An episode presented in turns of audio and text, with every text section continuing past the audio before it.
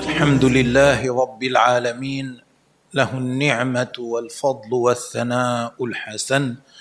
صلوات ربي وسلامه على سيدنا محمد وعلى آله وصحبه الطيبين الطاهرين. الله أسأل أن يوفقني ويوفقكم لما يحبه ويرضاه.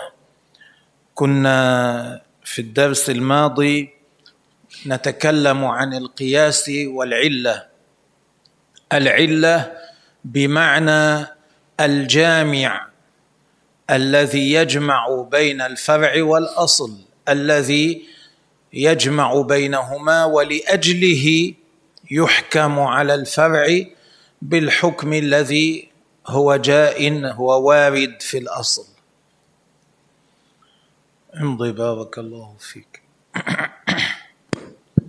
بسم الله الرحمن الرحيم الحمد لله رب العالمين وصلى الله وسلم على سيدنا محمد وعلى اله واصحابه الطيبين الطاهرين قال المؤلف رحمه الله ومن شرط العله ان تضطرد في معلولاتها فلا تنتقض لفظا ولا معنى يعني من شرط العله أن تضطرد في معلولاتها.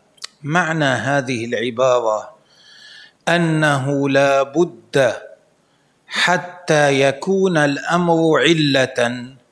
حتى يكون علة لا بد أنه كلما وجد وجد الحكم.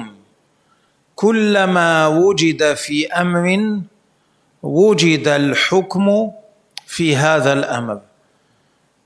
لا بد أن يضطرد ذلك أي لا يتخلف ذلك ولو مرة واحدة. لا بد أن لا يتخلف ذلك ابدا بل كل مرة وجدت فيها العلة في الأمر يوجد الحكم في هذا الأمر آه، أيضا. عند ذلك أو هذا شرط حتى تكون علة.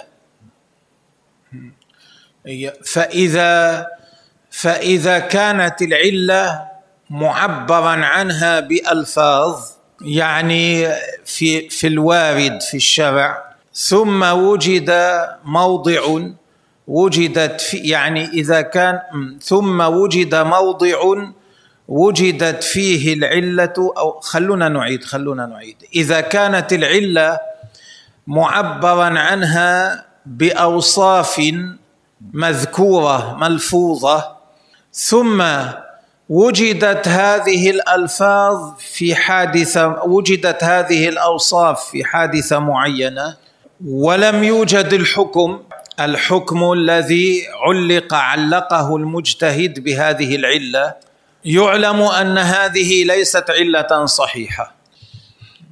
وقد تكون العلة معنى من المعاني. فإذا وجد المعنى في أمر في حادثة ولم يوجد الحكم أيضا هذا دل على أنها ليست علة صحيحة. مثلا إذا قال إذا قال أحد القتل بالمثقل يعني بالشيء الذي يقتل بثقله لا بحده. القتل بالمثقل قتل عمد عدوان. اذا يجب فيه القصاص. يقتل القاتل. القصاص العقوبة أن القاتل يقتل. ها. فمثل القتل بالمحدد. كما لو قتل بشيء له حد. فيقول العلة لذلك أنه قتل عمد عدوان موصوف بهذه الأوصاف.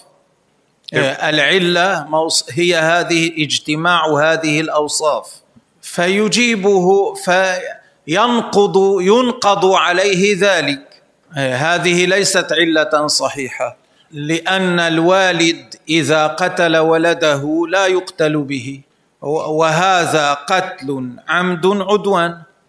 فاذا لا يصلح هذا الأمر أن هذه الأوصاف لا تصلح أن تكون علة لاستحقاق القتل على عقوبه القصاص على القتل.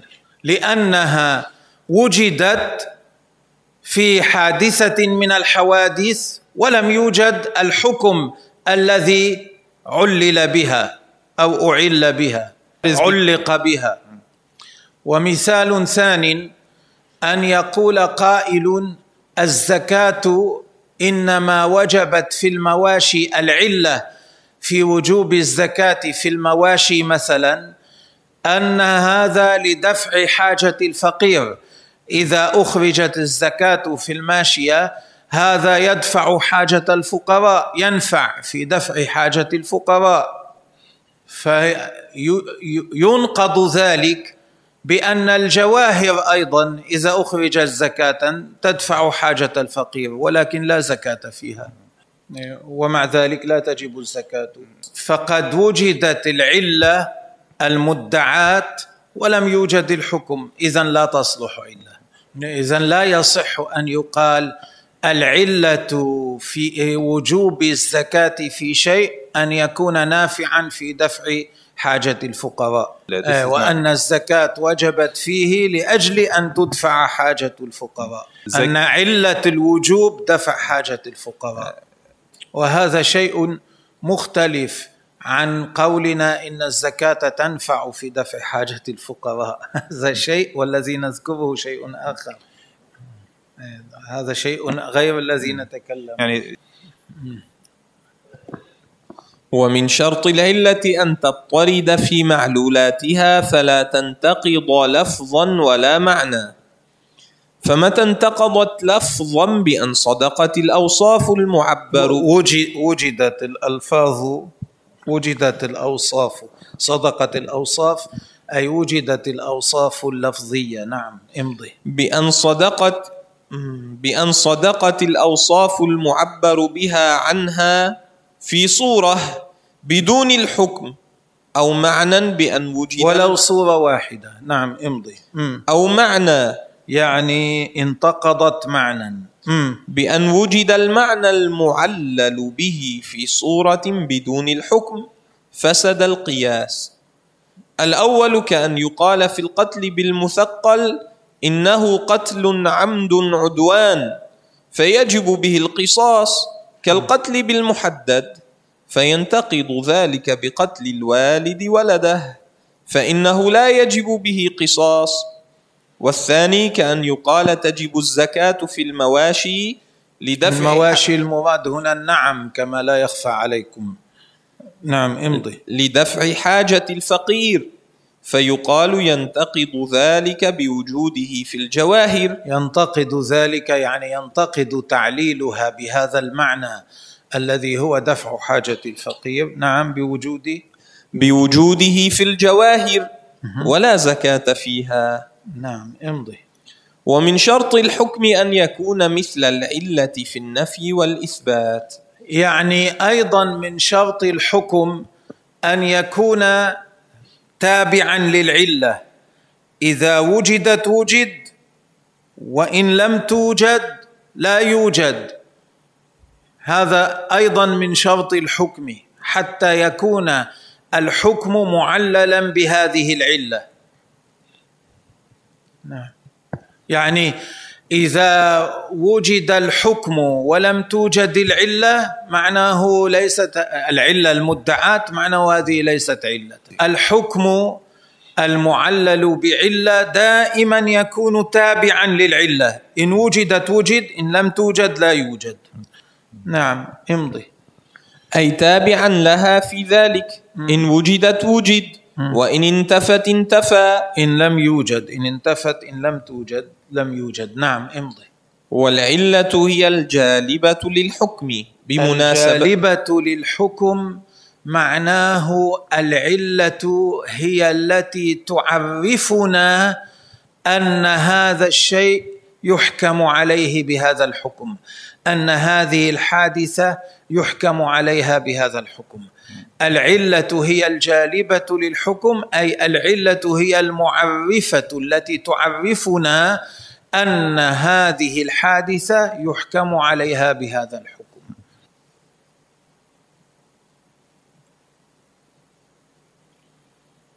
نعم امضي. والعلة هي الجالبة للحكم بمناسبتها له. ولا بد أن يكون أن تكون العلة مناسبة للحكم كما سبق أن شرحنا ذلك. وأظنه صار واضحا الآن أنه ليس كل لفظ كل شيء مناسب للحكم. يصلح أن يركب الحكم عليه يعني ليس كل شيء مثل ذلك مثل ذلك يصلح أن يكون عله. ليس كل ما كان كذلك يكون عله. أظنه صار واضحا. العلة لا بد أن تكون لفظ لا بد أن تكون مناسبة للحكم. لكن ليس كل ما يناسب الحكم يكون عله. دفع حاجة الفقير عله تناسب الحكم بإيجاب الزكاة. مثلا. لكنها ليست علة لذلك كما سبق أن بينا. نعم امضي. والحكم هو المجلوب للعلة لما ذكر. الحكم هو المجلوب للعلة لما ذكر يعني الحكم هو يصح يكون بحيث يصح أن يترتب على العلة. وهذا معنى قولنا أن تكون العلة مناسبة للحكم. يصح أن يترتب على هذه العلة.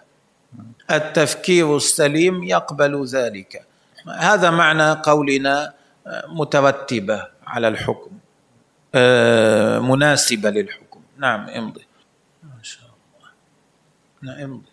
وبهذا نكون أنهينا الكلام على القياس والعلة. الآن ينتقل المصنف رحمه الله حتى يتكلم عن الحظر والإباحة يعني الأمر الذي لم يرد في الشرع فيه حكم. صريح. ما جاء في الشرع؟ بيان أنه حلال أو أنه حرام. هل يقال هو حلال إلى أن تظهر حرمته أو يقال هو حرام إلا إن ظهر دليل يدل على الحل أو إيش؟ هذا ما يتكلم عنه نعم. الآن في هذا الفصل. وأما الحظر والإباحة فمن الناس من يقول إن الأشياء بعد البعثة على الحظر أي على صفة هي الحظر. إلا ما أباحته الشريعة. فإن لم يوجد في الشريعة ما يدل على الإباحة يتمسك بالأصل وهو الحظر. أيوه. الأشياء قبل البعثة لم يكن فيها حكم لا تحليل ولا تحريم. آه هذا نشرحه بعد هذا بأوسع. أما بعد البعثة فمن الناس من قال الأصل في حكم الأشياء الأصل في الأشياء أي في حكمها أنها محظورة حرام. صفتها أنه لا يجوز للإنسان أن يأتيها إلا ما أذن به الشرع. فإذا لم يوجد في الشرع دليل يدل على الحل يحكم على الأمر بأنه حرام. ومن الناس ومن الناس من يقول بضده وهو أن الأصل في الأشياء بعد البعثة أنها على الإباحة إلا ما حضره الشرع. وبعض العلماء يقول عكس ذلك. يقول الأصل في الأشياء أنها مباحة إلا ما حرمه الشرع. فإذا كان هناك أمر لم يذكر في الشرع حكمه فإنه يقال عنه مباح حتى إلا أن يثبت تحريمه. يعني إذا لم يوجد في الشرع ما يدل على حرمته يبقى على حكم الأصل وهو الإباحة. والصحيح التفصيل. آه، الأشياء الضارة الأصل فيها التحريم إلا ما أباحه الشرع. والأشياء النافعة الأصل فيها أنها حلال إلا ما حرمه الشرع قالوا لأن الله تعالى قال خلق لكم ما في الأرض جميعا معناه خلق الله لكم ما في الأرض لتنتفعوا به فدل ذلك على أن المنافع الأصل فيها الحل. فإذا لم يجد المجتهد في الشرع ما يدل على حرمة شيء أو حله ينظر هل هذا معدود من المنافع أو من المضار. إن كانت من المنافع حكم بحلها وإن كانت من المضار حكم بحرمتها. معناه ينظر المجتهد آه، في في الكتاب في القرآن هل جاء حكم هذا الشيء. إن لم يجد ينظر في السنة. إن لم يجد ينظر في الإجماع. هل تكلم فيها المجتهدون اجماعا أو خلافا؟ فإن لم يجد ينظر هل يقاس على حكم على شيء ورد حكمه؟ على حادثة ورد حكمها. إن لم يجد عند ذلك ينظر هل هذا من المضار أو من المنافع؟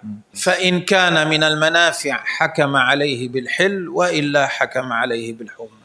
كان ضارا حكم عليه بالحرمة. فيتضح لكم أن مثل هذا الأمر لا يتكلم فيه أي إنسان. إنما هذه وظيفة المجتهد. لا, لا ليس لأي إنسان أن يقول هذا نافع اذا هو حلال. هذا ضار اذا هو حرام. ليس هكذا. نعم امضي. والصحيح التفصيل وهو أن المضار على التحريم والمنافع على الحل أما قبل البعثة فلا حكم يتعلق بأحد لانتفاء الرسول الموصل له. ومعنى استصحاب الحال الآن ينتقل إلى بيان شيء آخر يقال له استصحاب الحال.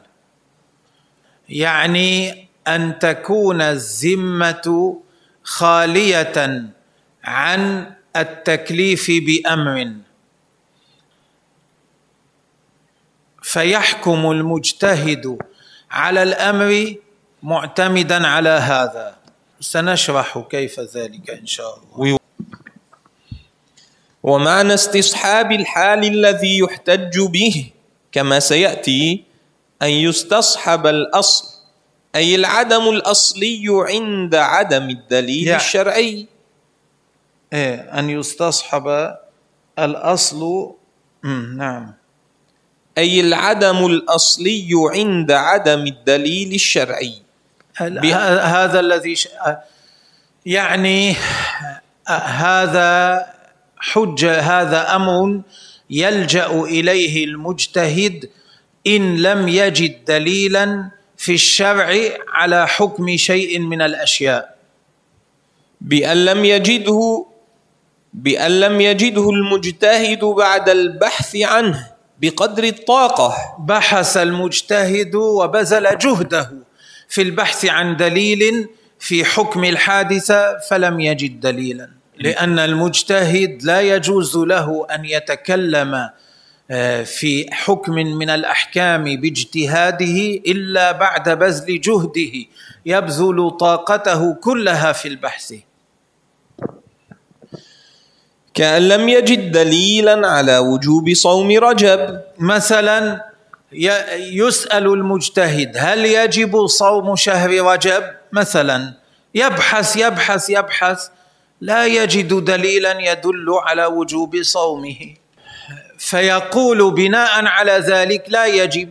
لماذا؟ لأن الأصل أن ذمة المكلف خالية عن إيجاب ذلك ولم يرد ما يوجبه عليه. فيبقى على الحال الأصلي الذي هو عدم الوجوب عليه. هذا المراد باستصحاب الحال الذي هو حجة وليس المراد به شيئا آخر أيضا يسمونه استصحابا لأنه مختلف في كونه حجة. الشافعية يعدونه حجة الحنفية لا يعدونه حجة.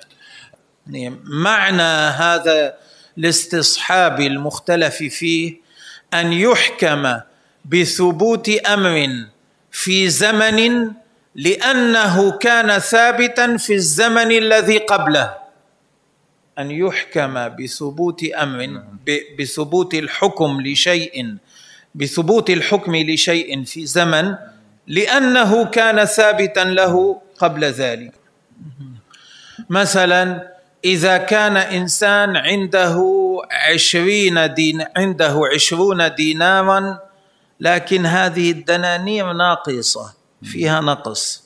يعني ما كان وزنها وزن العشرين على الصحة بل أنقص.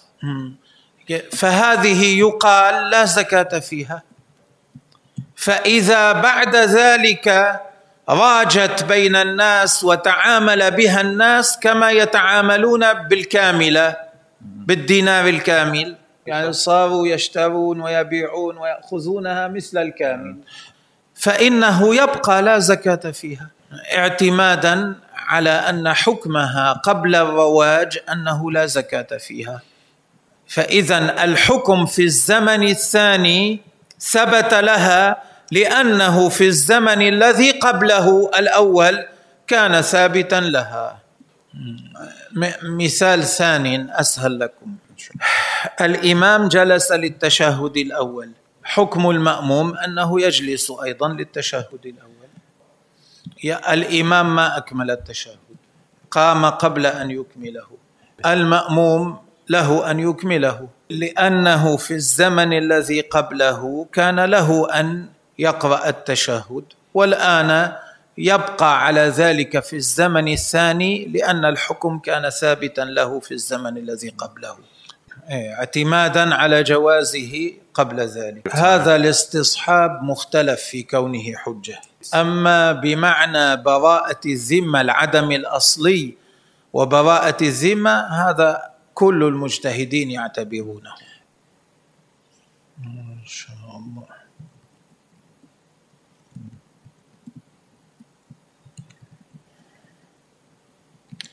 بهذا أنهى الكلام على الاستصحاب ثم انتقل إلى الكلام على الأدلة الشرعية. ماذا يقدم منها؟ أي شيء يقدم على الآخر؟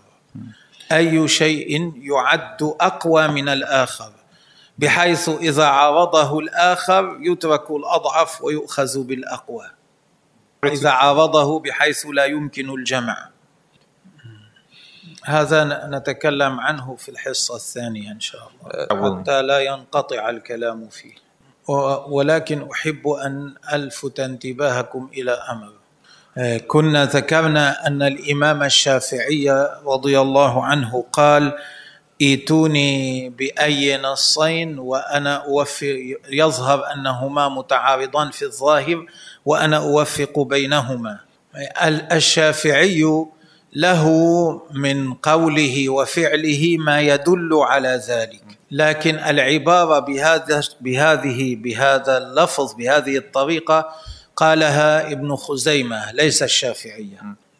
أحببت أن أنبه على ذلك. بارك الله فيكم وحفظكم. نعم. ما قرأت؟ اقرأ. أما الاستصحاب المشهور الذي هو ثبوت أمر الزمن الثاني لثبوته في الأول فحجة عندنا دون الحنفية. كما ذكرنا نعم. فلا زكاة عندنا في عشرين دينارا ناقصة تروج رواج الكاملة بالاستصحاب. بارك الله فيك. والله تعالى أعلم. بس. آه نهلل. لا إله إلا الله. اللهم صل على سيدنا محمد وعلى آله وصحبه وسلم. بارك الله بكم.